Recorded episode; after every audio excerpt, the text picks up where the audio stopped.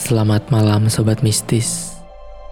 Balik lagi bareng gue di Miskis Menceritakan sebuah kisah mistis.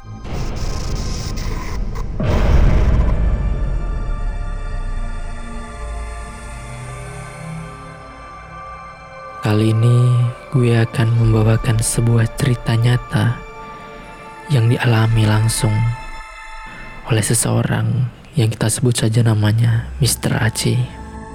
Selamat mendengarkan.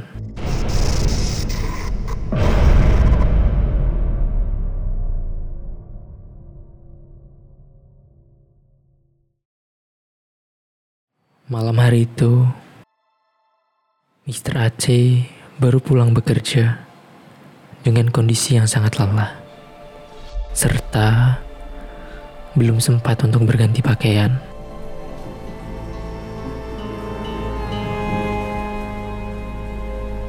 Karena badan yang sudah terlalu lelah, Mr. Aceh hanya membasuh kedua tangan dan kaki. Setelah itu, ia pun langsung rebahan di atas kasur, sembari meluruskan badan dan melemaskan otot-otot yang kaku. Tanpa disadari, Mr. Aceh pun terlelap begitu saja.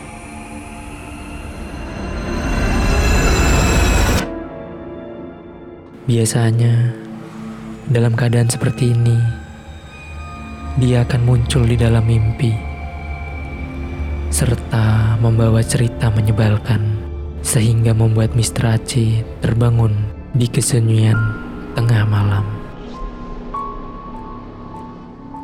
Tidak hanya itu, suara-suara berisik dari atap rumah pun turut membangunkan tidur Mr. Aceh yang masih dalam keadaan kondisi setengah sadar. Tetapi itu masih belum seberapa dibandingkan dengan suara orang yang sedang menyapu pada tengah malam.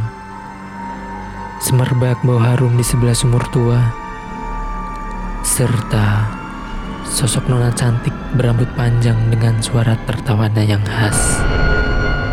Yang terkadang sedang asik duduk di tangga belakang rumah. Entah itu cuma halusinasi semata atau memang mereka ada hadir untuk menemani Mr. Aceh. Yang pasti, Mr. Aceh tidak bisa melihat dengan jelas sosok-sosok itu. Tetapi, ia hanya bisa merasakan pertemanan dalam satu rumah dengan mereka.